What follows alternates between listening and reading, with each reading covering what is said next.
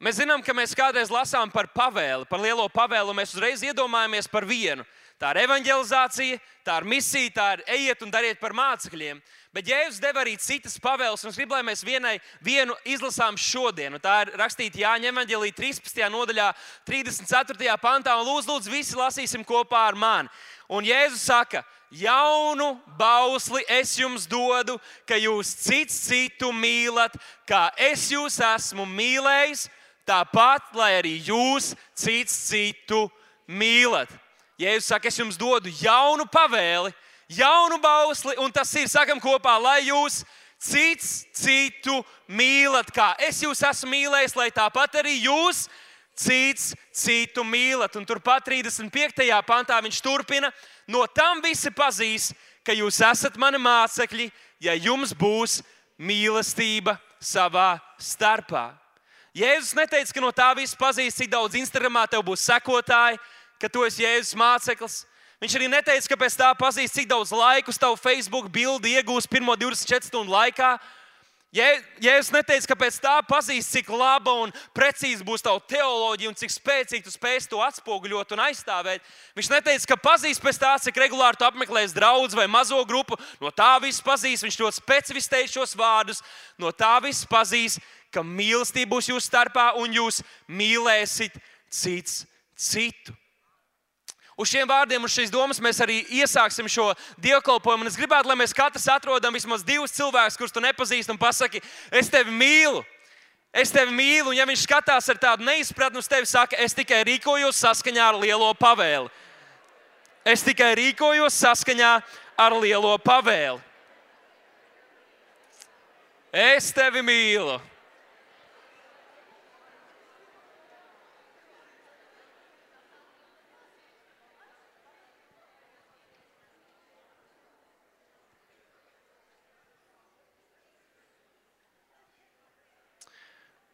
Jēzus mums deva jaunu pavēli. Saka, jaunu pavēli, ka jūs cits citu mīlat. Cits citu mīlat. No tā visi pazīs, ka mēs esam Jēzus mācekļi, ja mēs cits citu mīlēsim. Tad šodien es vēlos, lai mēs paskatāmies uz visu šo tēmu no nedaudz citas perspektīvas. Mācītājs Kreigs Grošels kādu laiku atpakaļ sarakstīja kādu brīnišķīgu grāmatu ar nosaukumu hashtag problēmas. Saki, hashtag problēmas. Viņš sarakstīja šo grāmatu, runājot par to, kā mums sekot Jēzum pašiņu centrētā pasaulē. Un tēma ir ļoti aktuāla arī mūsdienās, tā ir aktuāla šodien, un tādēļ mēs arī par to runāsim.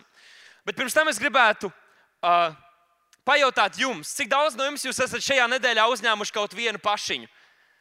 Kaut vienu pašiņu. Lūdzu, nekautrējamies. Mēs visi to esam kādreiz darījuši. Šajā nedēļā tu uzņēmi kaut vienu pašiņu. Pašiņš ir selfijas, kad tu uzņem bildi ar sevi, ka tava seja ir redzama tajā. Es redzu, ka diezgan daudz to ir darījuši, un es arī to esmu darījis. Un pavisam nesen atmodas vakarā, kad es dalījos tieši ar šo vārdu, es arī to izdarīju, lai varētu citiem pierādīt, ka es esmu bijis atmodas vakarā. Un šodien, iespējams, kādā brīdī es to izdarīšu, lai varētu pierādīt citiem, ka es esmu bijis draudzē, prieka vēsts. Tā vienmēr ir lieliski iespēja būt šeit, un uh, citiem tas ir jāzina kādreiz, kad, tu, uh, kad tev ir bijusi iespēja uh, šeit kalpot. Bet patiesība ir tāda, ka sociālai mediji un tehnoloģijas maina to, kā mēs attiecamies viens pret otru. Tās dramatiski ietekmē to, kā mēs attiecamies viens pret otru. Un tajos ir daudz kas labs, tas, tas var nākt par svētību. Mēs varam aizsniegt cilvēkus, kuri mums nav ik brīdi blakus, bet no otras puses, sociālajie mediji arī var ļoti negatīvi ietekmēt attiecības ar cilvēkiem. Nu, padomājam kaut vai tikai par pašiņiem vai selfijiem, tautas valodā sakot. Ir veikti daudz pētījumi, un uh, tiek apgalvots, ka katru dienu tiek uzņemti vidēji 93 miljoni pašiņu. 93 miljoni pašiņu. Google ziņo, ka 24 miljardi pašiņu tiek augšu pielādēti katru gadu. Katru gadu 24 miljardi pašiņu. Ļoti daudz bildes. Pētījumi apliecina, ka meitenes vecumā no 16 līdz 25 gadiem, vai te ir kāda tāda meitenes, dāmas no vecumā no 16 līdz 25 gadiem, jā, es redzu, ka rokas paceļās. Pētījumi apliecina, ka jūs nedēļā patērējat vidēji 5 stundas uzņemot pašiņus. Kāda saka, nē, nē, nē, nē, nē, tas ir tikai iesildīšanās. Es patērēju daudz, daudz vairāk. Tas ir tikai iesildīšanās 5 stundas nedēļā. Es pat vēl neesmu sācis īsti. Un tas var prasīt ļoti daudz laika, jo, ja gadījumā tu taisi pašiņu un uzņem savu degunu no nepareizā leņķa, tas var sabojāt visu bildi, un tas var prasīt ļoti daudz laika, lai veiktu kādas korekcijas vai atrastu īsto leņķi. Īpaši deguns vai zods, ja taisa bildes no apakšas, ir problemātiskās ēd, sfēras. Bet tiem no jums, kas varbūt nepārziniet pašiņu uh, būtību un, un šī, šo visu plašo pašiņu mācību, es nedaudz gribu, lai mēs ieskatāmies kādos no tiem. Šis ir ļoti izplatīts, tas saucās zvēru pašiņš, vai kāds ir taisījis tādu. Un tas ir pašiņš, kurā tu centies pats iekļūt pie reizes nobildējot kādu dzīvnieku. Parasti to dara ar maidzīvniekiem, bet bonusu punktus tu saņem par to, ja tu nobildējies ar kādu savvaļas dzīvnieku, piemēram, lāci, vilku. Un īpaši labi punkti tiek iegūti tad, ja tas ir tāds ļoti reti sastopams vai dzīvnieks jau uz izmiršanas robežas, hashtag džungļu karalis. Vēl kāds pašiņu tips ir ļoti izplatīts, saucās spoguļu pašiņš.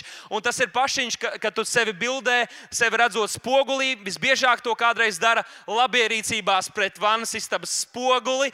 Un ļoti svarīgi ir arī taisīt pīļknābīti. Cik daudz ir tā darījuši? Es vēl neesmu iemācījies, kā jūs redzat, bet ir, man vēl ir viss dzīve priekšā, un es varu strādāt pie tā. Sāriņa tajā laikā arī to nebija iegu, a, a, apguvusi. Vēl kāds ļoti izplatīts ir mieru pašiņš. Tā, tā ir bilde, kurā vismaz viena no personām rāda pīs zīmīti, un šo mēs uztaisījām Nikaragvā basēnā zem ūdens. Hashtag misijas jautrie brīži ar vienu no maniem draugiem.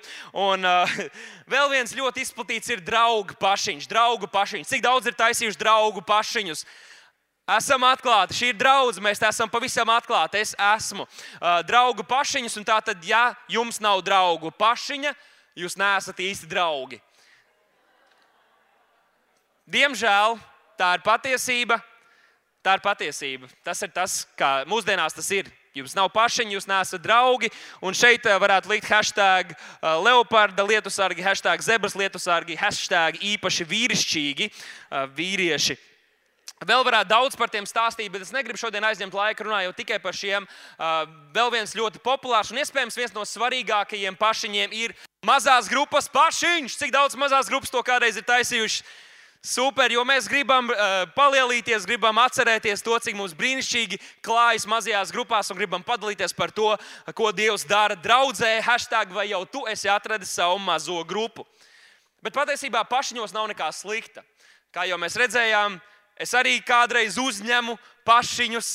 Uh, kādreiz ar savu sieviņu, kaut kur, kur mēs esam. Mēs gribam, ka mēs kopā tur bijām, lai mēs atceramies, kādas no tiem mēs nopublicējam. Ar saviem draugiem, mazajā grupā, draudzē, visādās situācijās mēs tos uzņemam. Tā kā ar viņiem tas, tā, tā nav nekāda problēma, arī tas, ka mēs tos publicējam.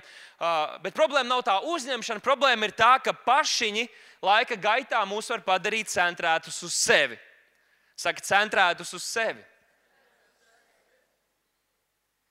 Un Jēzus neaicināja mūs celt, pagodināt sevi, koncentrēties uz sevi. Viņš aicināja, aicināja mūs aizliegt sevi un mīlēt citus. Citam citu mīlēt.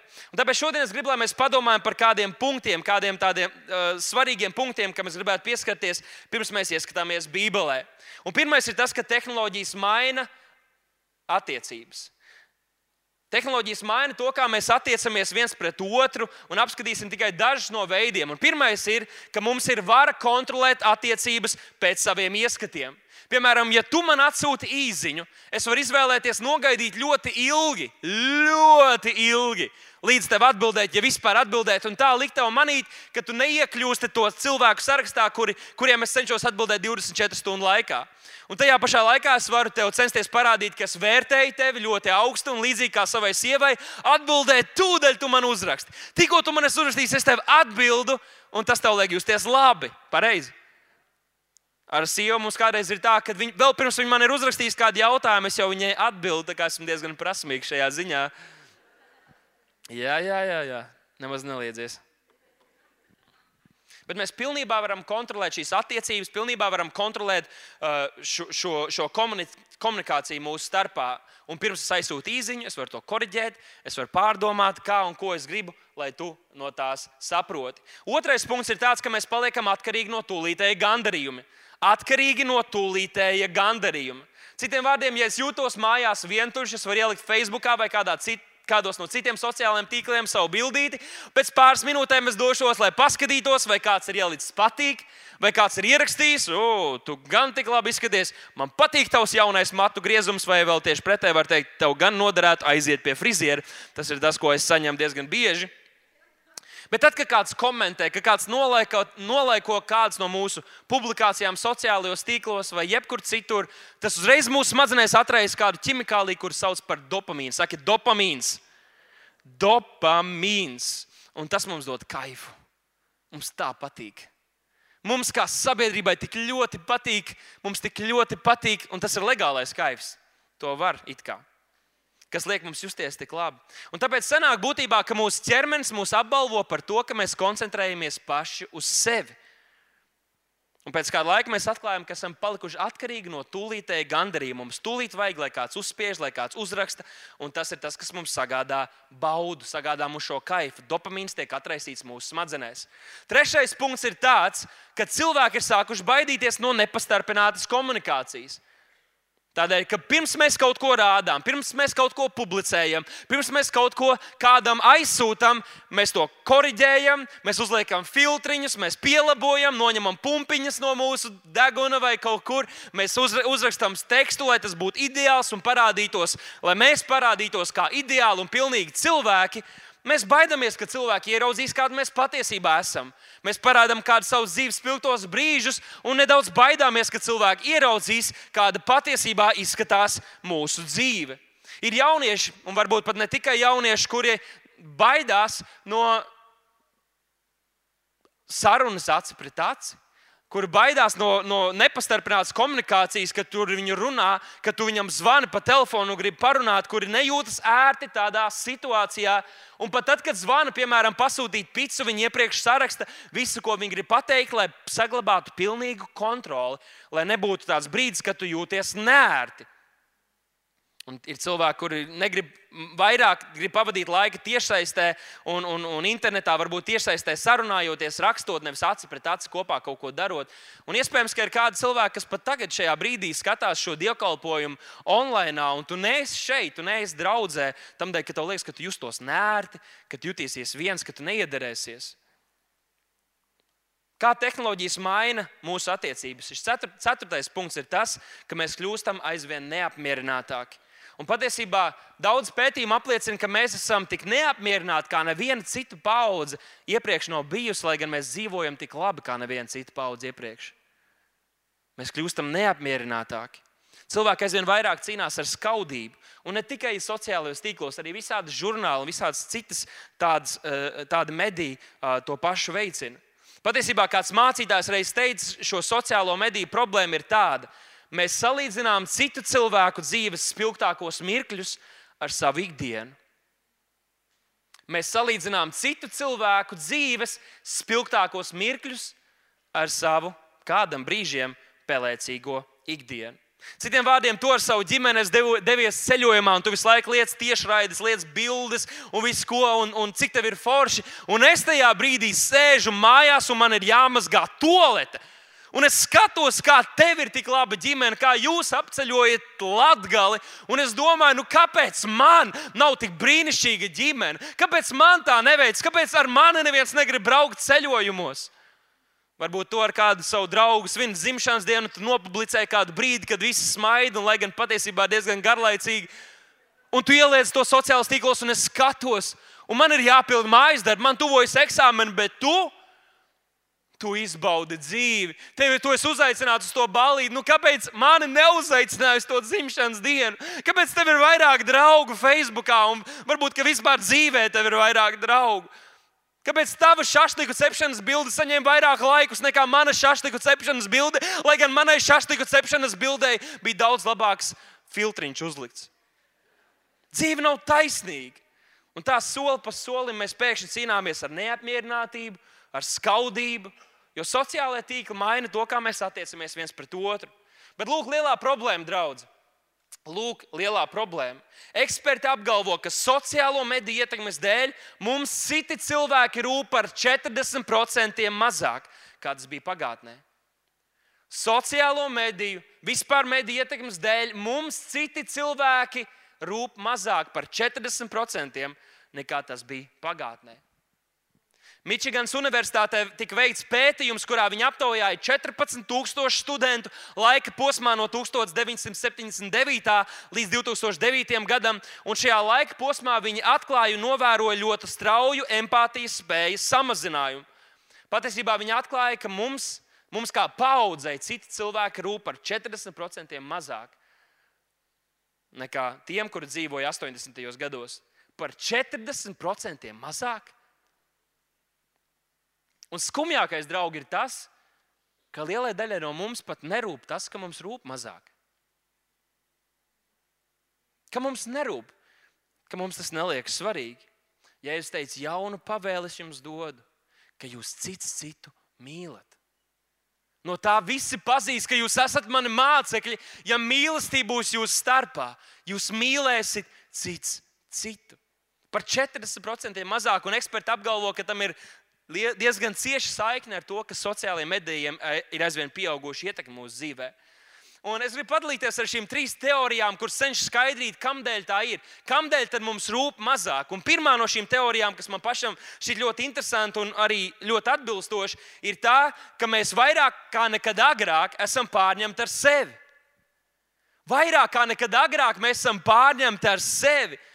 Mēs uzņemam pašiņu, Un kāds saka, o, tu gan labi izskaties, vai uzliek smaidiņu, emoji, un mums ir tādas labas izjūtas. Dopamīns tiek atraisīts mūsu smadzenēs, un mums vienkārši patīk. Patīk. Jūs zināt šo dziesmu? Kad kāds uzliek to laiku, jau un saka, man patīk, patīk, patīk, ka citiem cilvēkiem patīku es. Kāds iekomentēja, man patīk, man patīk, ka citiem cilvēkiem patīku es. Un tā ir reālā situācija. Patiesībā kāds pētījums apliecina, ka 80% no, 80 no tā laika, ko mēs pavadām sociālajos tīklos, ir par un ap mums. Ko tu saki par mani, kā es jūtos par tavu saturu, par tavām publikācijām. Mēs esam centrēti uz sevi. Kāpēc tehnoloģijas mūs padara tādus, ka mums mazāk rūp citi cilvēki, jo mēs vairāk kā nekad iepriekš esam pārņemti ar sevi? Esam pārņemti un koncentrēti uz sevi. Un Pāvils kādā vietā teica, ka pēdējās dienās iestāsies grūti laiki, jo cilvēki kļūs patmīlīgi. Patmīlīgi. Tas nozīmē tādi, kas mīl, kas ir iemīlējušies sevi, tādi, kas ir sautīgi un koncentrējušies tikai uz savām interesēm. Vai tas kaut kādā mērā neraksturo to sabiedrību, kurā mēs dzīvojam, un tās cīņas, ar kurām daudz no mums saskaramies savā ikdienā? Kāpēc mums citi cilvēki rūp mazāk? Otrā teorija ir tāda, ka pārāk liela saskara ar ciešanām mūs padara nejūtīgākus. Tas nozīmē, ka ja mēs atkal un atkal saskaramies ar ciešanām, mēs kļūstam mazāk jūtīgi. Piemēram, pirmo reizi, kad es redzēju kādu reklāmu, kurā tika attēloti uh, izsalkuši, novārdzināti Āfrikas bērni, tas man aizskāra tik ļoti, un es, es, es biju gatavs atdot savu kabatas naudu, kas nemaz nebija tik liela, un savas pusdienas, lai parūpētos par šiem cilvēkiem, lai palīdzētu viņiem. Bet savas dzīves laikā es tādas reklāmas esmu redzējis tik daudz, tik daudz, tik daudz, ka tas vairs man tā nešokē. Es redzu tādus kaulainus, pavisam novārdzinātus bērnus, Un tas vairs man tā neuzrunā.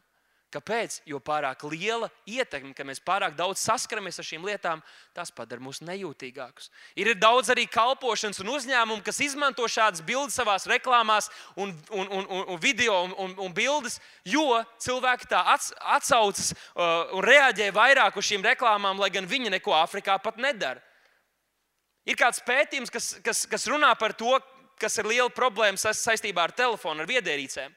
Un tas ir tāds, ka mēs skatoties savā jaunuma plūsmā, cik daudziem ir vietā ruņi. Jaunuma plūsmā skatoties, viss izskatās vienlīdzīgs.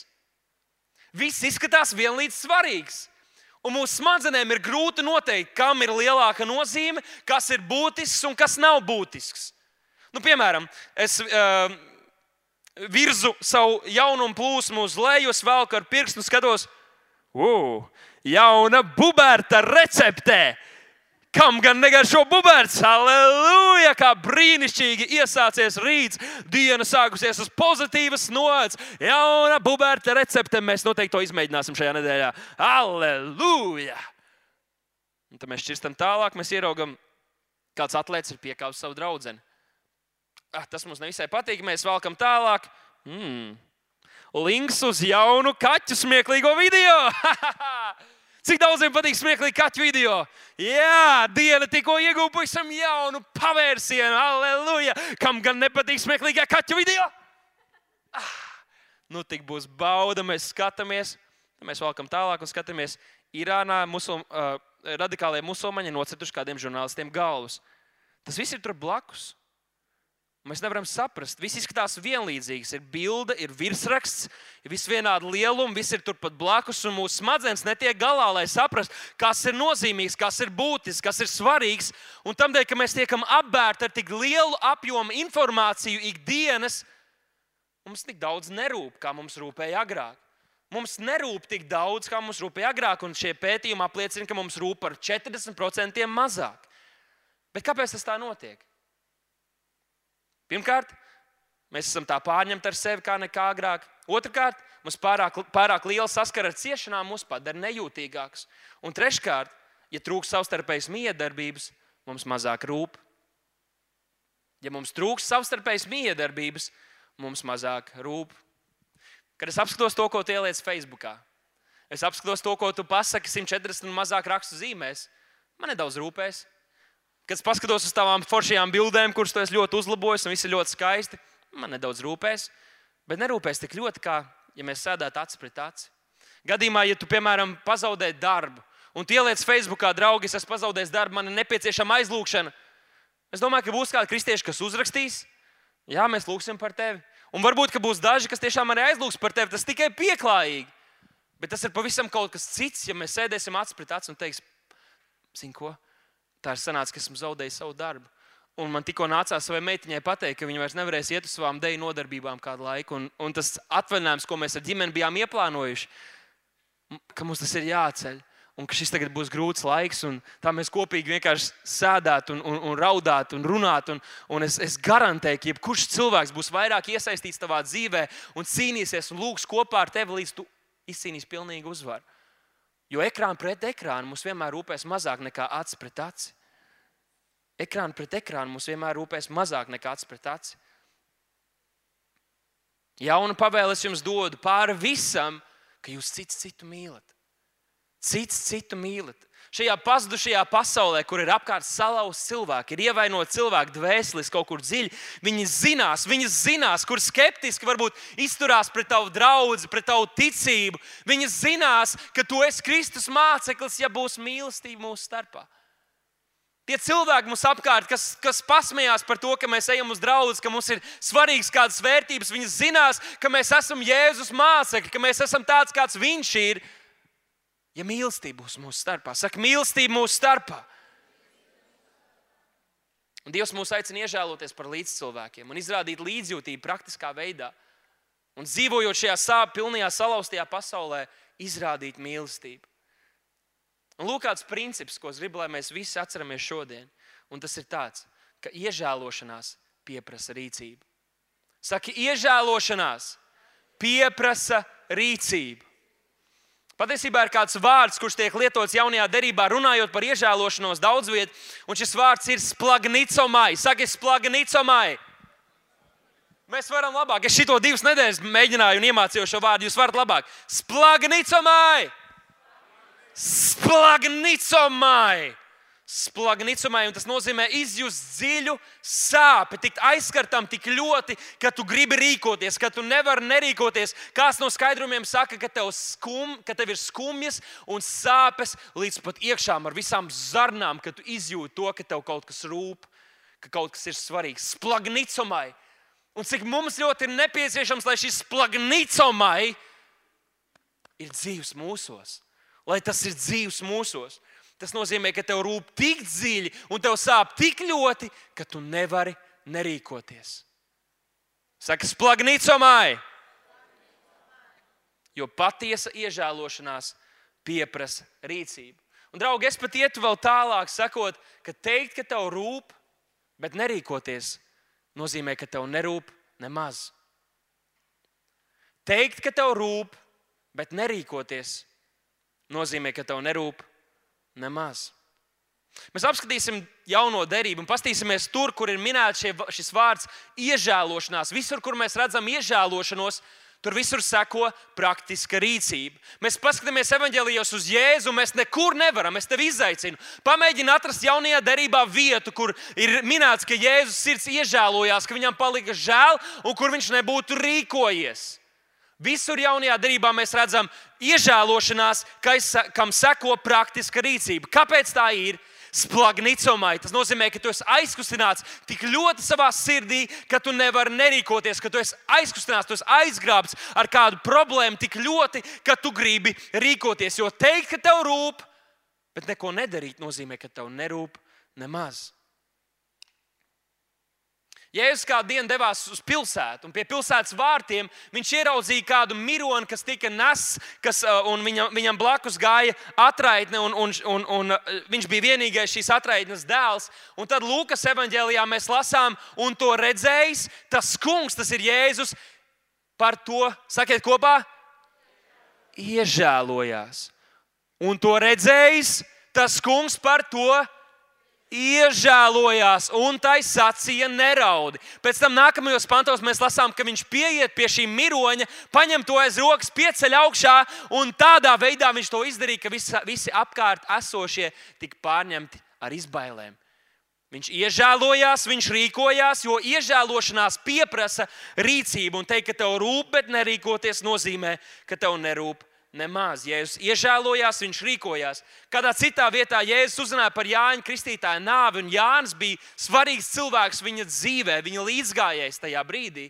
Un tas noteikti iz, izraisīja milzīgas pārdzīvojumus un sāpes viņa, viņa dzīvē. Viņš gribēja paiet no visa nost un tikt ar sevi kārtībā, bet tad mēs lasām, un Jēzus izgājis pēc šīm ziņām, kad viņš uzzina šo briesmīgo ziņu. Viņš izgājis, redzēja daudz ļaužu, un viņam sirds ko izdarīja?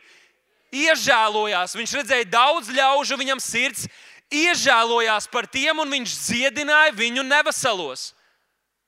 Iežēlošanās, rīcība.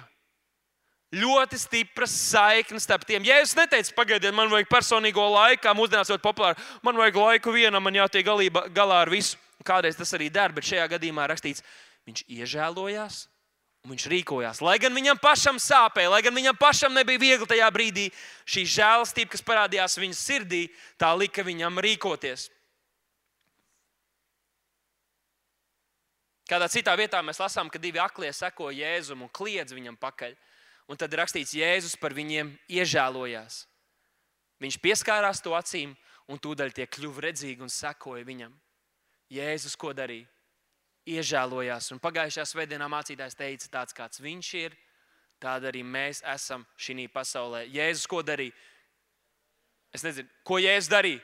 Iežēlojās, pēc tam, ko viņš darīja, rīkojās. Mēs esam tādi, kāds Jēzus ir, tāpēc arī mēs, ko mēs darām? Iežēlojamies, un ko mēs pēc tam darām? Rīkojamies tieši tā. Jēzus iežēlojās, un viņš rīkojās, jo patiesa iežēlošanās pieprasa rīcību. Un teikt, ka tev rūp, bet neko nedarīt nozīmē, ka tev nerūp nemaz. Bet jautājums ir tāds, kā tas attiecas uz sociālajiem tīkliem. Iesākt tik forši par pašiem un visu ko, bet tagad pilnīgi aizmirsām par sociālajiem tīkliem. Redziet, ja mums rūp sociālie tīkli tik ļoti, jo vairāk mums rūp sociālie tīkli, jo mazāk mums rūp citi cilvēki, un jo vairāk mums rūpam mēs paši. Bet jo vairāk mums rūp Jēzus, Jo vairāk mums rūp, lai mēs esam viņa klātbūtnē, lai mēs esam piepildīti ar viņa vārdu, lai mūsu sirds ir atvērts, lai mēs esam gatavi un griboši, lai viņš var darboties caur mums, jo vairāk mēs gribam būt viņa pielūdzēji un izdzīvot patiesu kristiešu cienīgas dzīves savā ikdienā, jo mazāk mums rūpēsim mēs paši, un jo vairāk mums rūpēs citi cilvēki, jo patiesa iežēlošanās pieprasa rīcību. Ja jūs teicat, jaunu pavēli es jums dodu, ka jūs cits citu mīlat, un no tā visi pazīs, ka jūs esat mani mācekļi, ja jums būs mīlestība savā starpā. Varbūt tu šodien sēdi un domā, kāpēc vēl neviens no maniem līdzcilvēkiem nepamana, ka es esmu Kristus sekotājs. Varbūt tam dēļ, ka trūkst mīlestības jūsu starpā. Patiesa iežēlošanās pieprasa rīcību. Un noslēdzot, es gribu dot trīs žēlsirdīgu cilvēku kvalitātes. Trīs žēlsirdības kvalitātes, uz kurām es arī aicinu, un šodien es ticu, ka Dievs aicina katru no mums. Un pirmā ir tā, ka iežēlošanās iejaucas. Saka, iežēlošanās iejaucas. Marka evanģēlijas 6. nodaļā mēs lasām, ka Jēzus gribēja atpūsties. Viņš ar mācekļiem bija kalpojis un, un kalpojis cilvēkiem un strādājis visu dienu, tā ka viņiem nebija bijis brīdis pat atpūsties vai paēst. Un beidzot viņi sapratuši, ka viņi grib paiet no tā visa nost un nedaudz ievilkt elpu, viņš grib parūpēties par mācekļiem. Bet tad viņš ieraudzīja tūkstošiem cilvēku, un sirds viņam iežēlojās, tad pēkšņi no šī viņa plāna atpūsties, no viņa plāna kārtīgi ievilkt elpu, kā arī mēs kādreiz jūtamies. Viņš atļāva, lai šī iežēlošanās sajauc viņa dienas plānus, sajauc viņa plānus atpūsties, un viņš sāka kalpot šiem cilvēkiem. Lūkas 8. nodaļā mēs lasām, ka Jēzus bija ceļā pie Jaira meitiņas. Un tas bija brīdis, kad viņš beidzot bija kopā ar kādu prominentu personu un būtu varējis viņam kalpot. Un tas bija kaut kas, kur visi apkārt reliģiskie līderi redzētu, wow, viņš arī mūsu līmeņa cilvēkiem darbojas. Un tad ceļā pie Jaira meitiņas viņa dzīvē un tajā situācijā iejaucas kāda persona, kura pavisam nebija cienīga tajā brīdī. Tā ir sieviete ar asiņošanu, kura ticībā pieskaras viņam un viņš apstājas un kalpo viņai. Viņam bija plāns, bija kaut kas, kas viņam bija jādara, un viņš devās tur, un viņš ļāva, lai Dievs un šī žēlastība, un Dieva darbs un Dieva plāni iejaucas viņa plānos. Marka evanģēlī otrajā nodaļā mēs lasām, ka Jēzus sludina kādā mājā. Viņš sludina, kad pēkšņi jumts tiek jaukts, kāds laužas cauri jumtam, plēš vaļā jumtu un nolaiž lejā savu draugu, kas bija tīzlis. Un Jēzus nav dusmīgs. Jēzus nesaka, pagaidiet, es jau biju ieplānojis vēl stundu sludināt, un tad kalpot cilvēkiem. Viņš apstājas visu, viņš apstādina visu, un viņš kalpo šim vienam cilvēkam. Viņš to dziedina. Un es domāju, nu mēs, 21. gadsimta kristieši, cik mēs daudz dzīvojam tikai pēc sava dienas plāna un sav, sa, saviem plāniem, ko un kā esam ieplānojuši. Vai mēs esam tie, kas mēs ļaujamies, lai šī iežēlošanās parādās mūsu sirdīs, kas iejaucas un kādreiz sajauc mūsu plānus, kādreiz sajauc mūsu ikdienu. Es ticu, ka pat šajā zālē ir cilvēki, kur, kurus tiešām aizskar šis vārds, un, un ka Dievs varbūt tagad tieši iezīmē tavu sirdi šo brīdi. Un iespējams, ka tu nebūsi spējīgs atstāt šo dievkalpojumu bez tā, ka tev būs šī žēlastība parādīsies pret kādu cilvēku. Varbūt kāds, kas tev ir blakus, varbūt kāds, kas, kas pat nav šeit, kad vienkārši tavs sirdī būs, kad ir kaut kā jārīkojas, kas pilnībā sajauks tavu šī, šīs dienas plānus. Tu gribēsi rīkoties saskaņā ar to. Jo mēs esam kristieši, kas mēs nevēlamies dzīvot tikai izdzīvojot savus plānus, bet esam gatavi, lai svētais gars var mūs vadīt un iejaukties katrā brīdī mūsu dzīvē. Un mēs arī šodien sakām, Dievs, iejaucies mūsu dzīvē, sajauc mūsu plānus, lai tavs prāts notiek un ne mūsējais tikai mūsu dzīvēs. Amen! Iežēlošanās iejaucas. Iežēlošanās iejaucas. Kādu laiku atpakaļ mēs ar kliķi bijām Valmjerā, kādā koncertā, kur mums bija jāuzstājas, mēs gatavojāmies, mēs, mēs pārunājām, un domājām, pāēdām, domājām, ko un kā darīsim. Kad kāda kundze, kur mūs apkalpoja, pienāca un sāka dalīties ar savu sirdi. Un Viņa izrādījās, ka viņai jau ilgstoši ir problēmas ar muguru, kas viņai traucē gulēt un ietekmē ļoti negatīvi arī visu pārējo viņas veselību.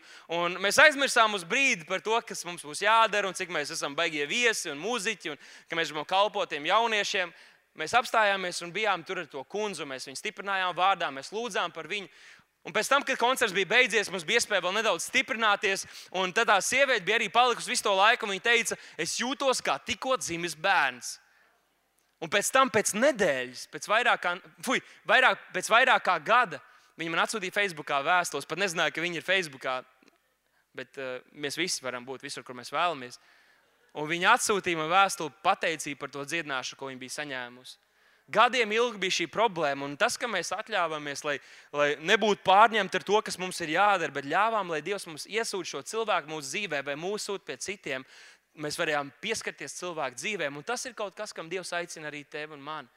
Tas ir kaut kas, kam Dievs aicina. Mūsu darba vietā, mūsu ikdienā, mūsu ģimenē, mūsu izbraucienos. Jā, mums ir plāns un plānot vajag, bet ļauties, lai iežēlošanās iejaucas. Un mēs esam cilvēki, kas mēs līdzīgi kā Kristus, mēs iežēlojamies par citiem. Amen! Aleluja! Redziet, klikšķināšana nav rūpes izrādīšana. Un publikācija laikošana nav mīlestības parādīšana. Mēs esam aicināti mīlēt cilvēkus, nevis tikai laikot viņu bildes. Un, ziniet, ko, kad mēs mājās sēžam un klikšķinām citu bildes, tas ir ļoti sterili un tīri. Bet kādreiz, kad tu praktiski palīdzi kādam, kad tu praktiski kādam gribi pieskarties un kalpot, tas kādreiz ir diezgan sarežģīts situācijas, kādreiz var nedaudz sasmērēties. Cilvēki ir apkārt ar visādām problēmām. Pēc nebūsim tie, kas mēs kā baltrocīši gribam dzīvot tikai sterils dzīves un tikai internetu vidē kaut ko kalpot citiem, bet savā ikdienā Dievs grib iejaukties mūsu ikdienā, lai mūsu ikdiena darītu tādu, kā Viņš tikai to var. Amen. Lai mēs dzīvojam pārdabiskajā, un tas ir tas, kam mēs vēlamies arī šodien. Tātad, pirmkārt, iežēlošanās iejaucas. Otrais ir tas, ka iežēlošanās maksā. Saka, iežēlošanās maksā. Te mums jāatcerās stāsts par žēlsirdīgo samarieti. Viņš bija vienkāršs cilvēks, tāds kā esam arī mēs ar jums. Un viņš savā ceļā, viņš devās kaut kur, viņam bija kaut kāds mērķis, savā ceļā viņš ieraudzīja kādu cilvēku ar vajadzību kurš bija sasists un ievainots, un viņa sirds iežēlojās. Un turpat uz vietas viņš aprūpēja viņu, viņš viņu pacēla, viņš nogādāja drošā vietā, un tad atcerieties vārdus, ko viņš teica. Ja gadījumā būs vēl kādi izdevumi, es par tiem atlīdzināšu.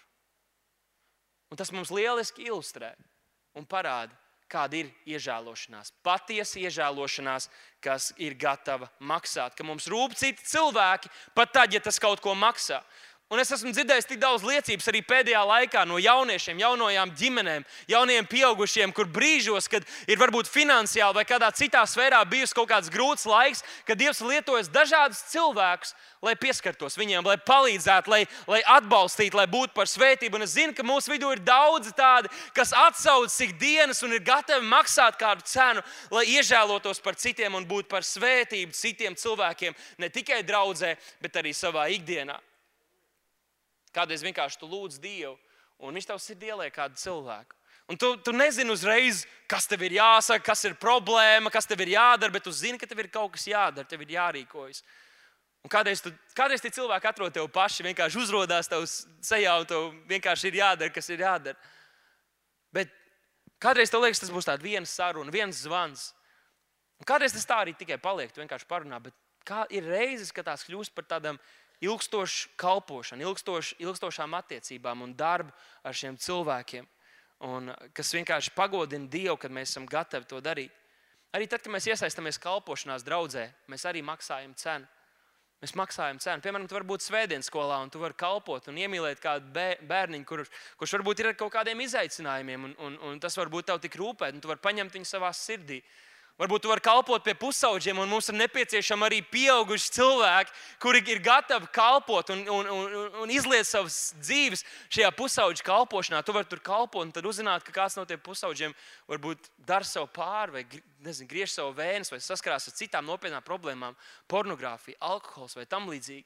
Un tas var nākt pār uz tavu sirdi, un, un tas var kļūt par ilgstošu kaut kādu darbu un lūgšanu tavā sirdī. Varbūt tu vari sākt savā mazajā grupā ieklausīties tajā kaitinošajā cilvēkā un, un sajust, ka, ka, ka Dievs ieliek viņu tavā sirdī. Un katrā mazajā grupā jau ir kāds kaitinošais. ja kāds varbūt šeit zālē tagad saka, nē, nē, nē mūsu grupā nav neviens. Katrā grupā ir. Katrā grupā ir vismaz viens. Bet vai mēs esam gatavi maksāt cenu? Vai mēs esam gatavi maksāt? Tas ne tikai finanses, tas var būt tavs laiks, tā var būt tava enerģija, tava talanti, tava spēja, lai būtu gatavi parādīt žēlstību citiem cilvēkiem. Un šis trešais punkts ir tas, ka iežēlošanās maina dzīves. Saka, iežēlošanās maina dzīves. Kad mēs ļaujam, lai mūsu sirdīs notiek splagnicumai, splagnicumai, kad mums ka mēs esam tā pārņemti ar, ar, ar, ar sāpēm vai, vai rūpi par citiem cilvēkiem, ka mēs nevaram nerīkoties. Tas ir kaut kas, kas maina mūsu dzīves, un tas ir kaut kas, kas maina arī mūsu līdzcilvēku dzīves. Jo, draugi, nekas cilvēkus, tavs darba kolēģis, tavu ģimeni, nekas cilvēkus neuzrunā vairāk kā tas, ka kādam rūp. ka tev rūp. Tev varbūt var nebūt visas atbildes, visi gudrākie vārdi, ko teikt.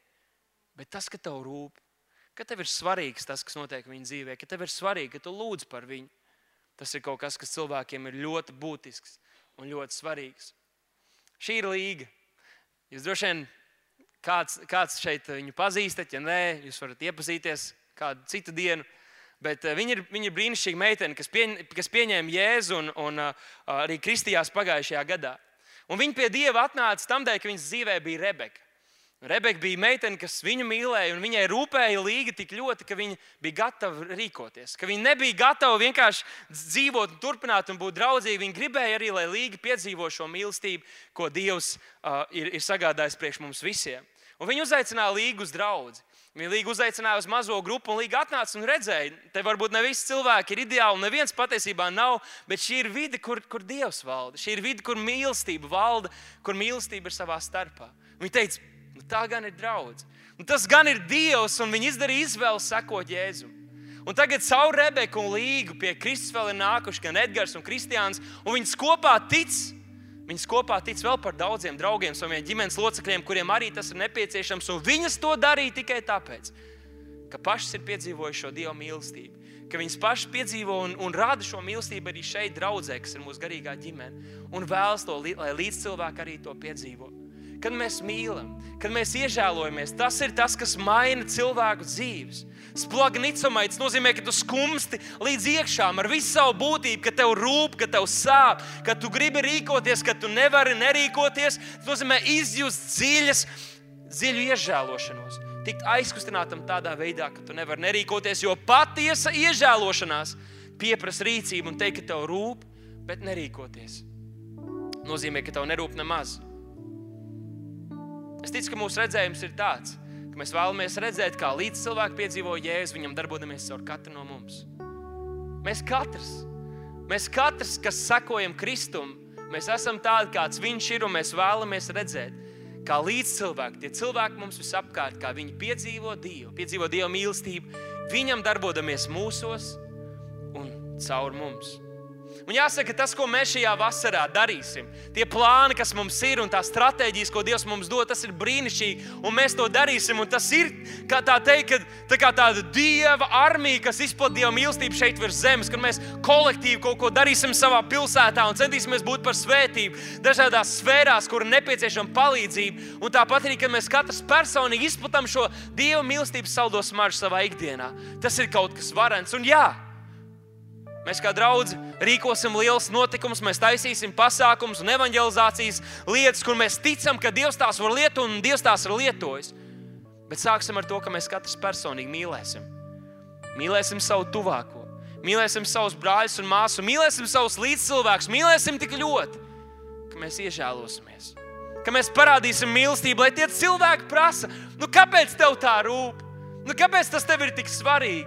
Nu, kāpēc jūs to darāt? Kāpēc jūs kā draugi jūs taisat tos Rīgas svētkus? Kāpēc jūs ejat tur ielās? Tik, kāpēc jūs palīdzat tur bāriņu, bāriņu darbā un, un, un visādos, visādās citādās sfērās sabiedrībā? Nu, kāpēc jūs to darat?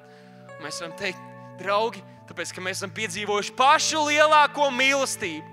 Nav nekas lielāks, nav nekas stiprāks kā Dieva mīlestība, ko mēs esam piedzīvojuši, kas liek šim splagnicomai celties mūsos, parādīties mūsos, ka mēs gribam, ka mēs nevaram nerīkoties un mēs gribam kaut ko darīt, lai, lai Dieva darbs turpinātos un plauktu mūsu dzīvēm.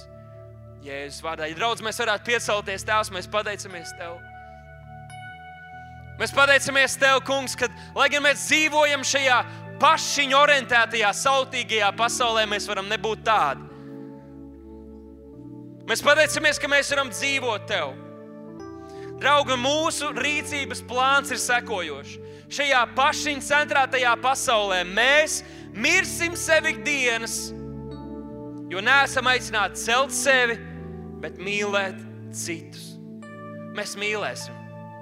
Mīlēsim ar beznosacījumu mīlestību. Mīlēsim ar neprātīgu, tikai Dieva spēkā iespējamu mīlestību. Mīlēsim viens otru un mīlēsim citus Jēzus vārdā.